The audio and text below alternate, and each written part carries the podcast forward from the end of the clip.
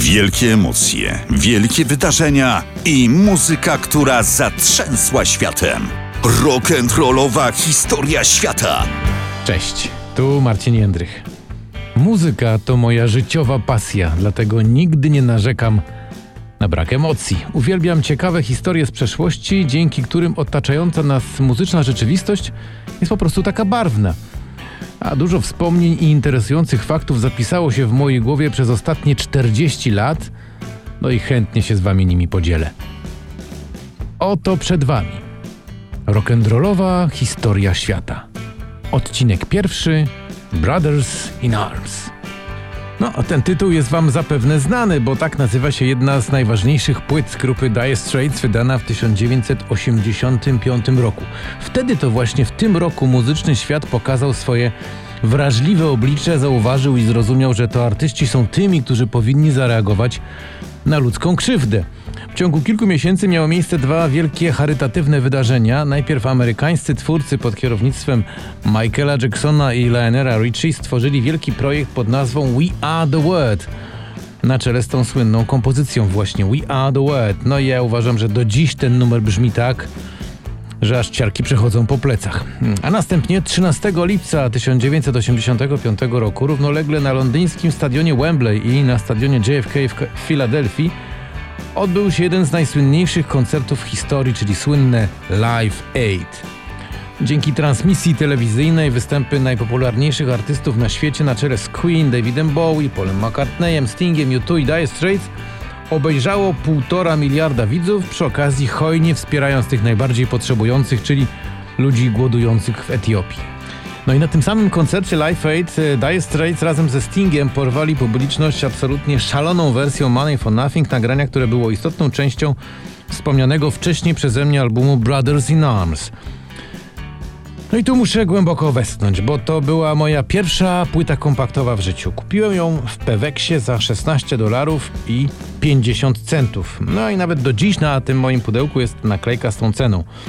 No jeszcze muszę dodać, że wtedy, e, kiedy kupowałem tę płytę, dolar kosztował około 600 zł, czyli w przeliczeniu było to prawie 10 tysięcy, a średnia pensja oscylowała wokół 20 tysięcy, więc to naprawdę była kosmiczna kwota. Wtedy też sklepy przedsiębiorstwa eksportu wewnętrznego, czyli właśnie Peweksy, były bardzo na czasie i wprowadzały do swojej oferty nowinki ze świata. Wśród nich były także płyty CD. Oczywiście wybór był niewielki, ale chwała temu, kto wtedy podejmował decyzję, jakie krążki sprowadzić, no i potem sprzedawać je w Polsce. Zresztą przy okazji e, trzeba powiedzieć, że album Brothers in Arms był jednym z pierwszych w historii, który został wydany również jako właśnie compact disc, czyli płyta kompaktowa. W związku z tym nagrywanie całego materiału na tę płytę zostało przeprowadzone w pełnej cyfrowej wersji. Zresztą lipiec 85 y, roku był wyjątkowo emocjonujący dla fanów muzyki, w szczególności w Polsce.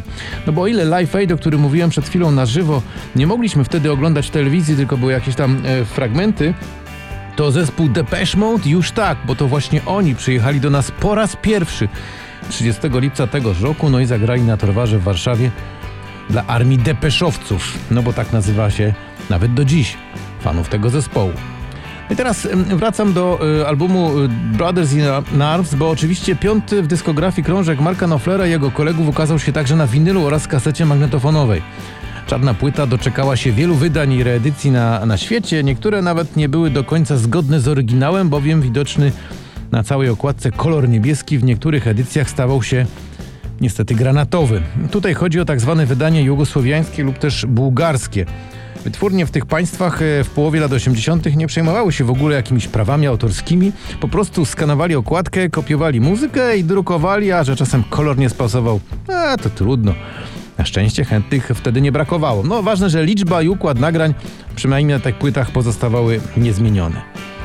A dla każdego słuchacza, który wcześniej miał kontakt z twórczością Dire Straits, e, pojawienie się na rynku nowej płyty tego zespołu było sporym wydarzeniem zwłaszcza jeśli nadal potrafił przypomnieć sobie brzmienie z poprzedniego studyjnego krążka Love Over Gold wydanego w 1982 roku, a zawierającego takie kapitalne numery chociażby jak Private Investigations czy też Telegraph Road oraz był zauroczony klimatem koncertowego dwupłytowego wydawnictwa Alchemy, które trafiło do sklepów dwa lata później, czyli w 1984 roku.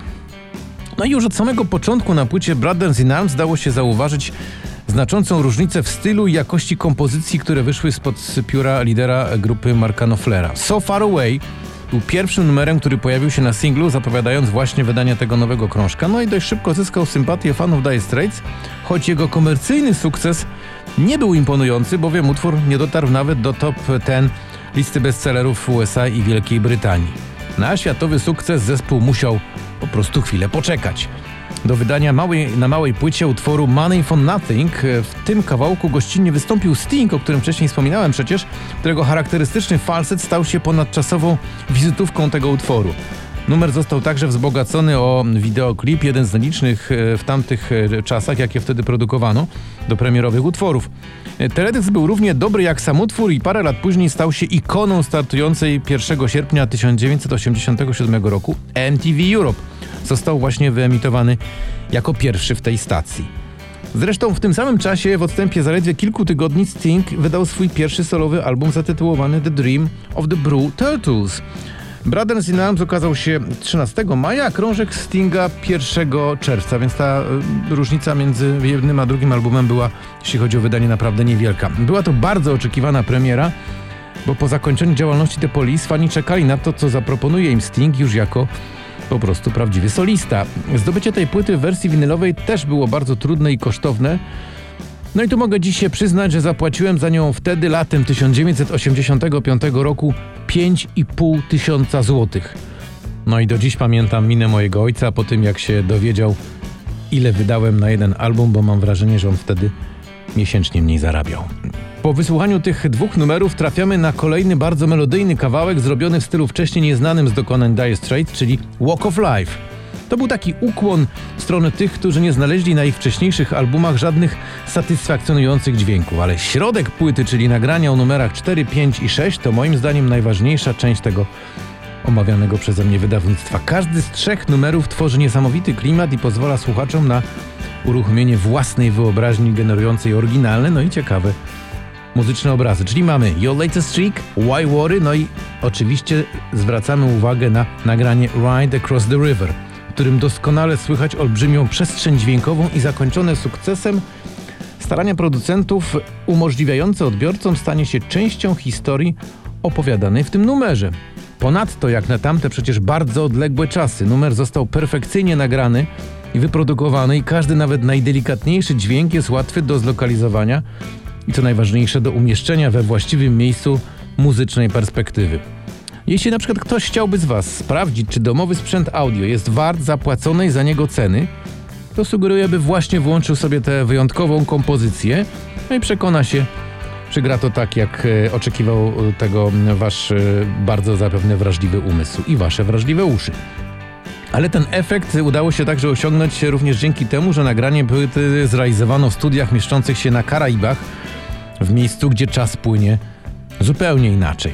Można czasem nawet takie odnieść wrażenie, że drzwi do studia nie były zamknięte i dzięki temu trochę tego karaibskiego klimatu udało się nawet na tej, na tej płycie nagrać. Na tym krążku jest jeszcze jeden bardzo ważny moment, to oczywiście finał w postaci tytułowego utworu Brothers in Arms. Mark Knopfler napisał numer, który stał się jedną z najważniejszych kompozycji XX wieku. Chyba każdy, kto choć raz słyszał to nagranie, a na pewno pozwolił przez prawie 7 minut jego trwania unieść się dźwiękom z niego płynącym. Można nawet powiedzieć, że jest to taki hymn pokolenia i dla wielu stanowi bardzo istotny element muzycznej edukacji. No ja bym się czuł bardzo niekomfortowo, gdyby nagle z jakiegoś powodu ten album po prostu zniknął z mojej kolekcji. No bo za każdym razem, gdy potrzebuję porcji muzycznego odpoczynku, to z przyjemnością po niego sięgam. No jestem przekonany, że moje odczucia związane z tym krążkiem nie są odosobnione. Znam bowiem kilka osób, które podobnie jak ja zaczynały kolekcjonowanie srebrnych płyt właśnie od albumu Brothers in Arms Dire Straits. I to tyle na dziś. Bardzo dziękuję za wspólnie spędzony czas. Rock'n'rollowa historia świata powróci do Was w kolejnym odcinku zatytułowanym In My Life.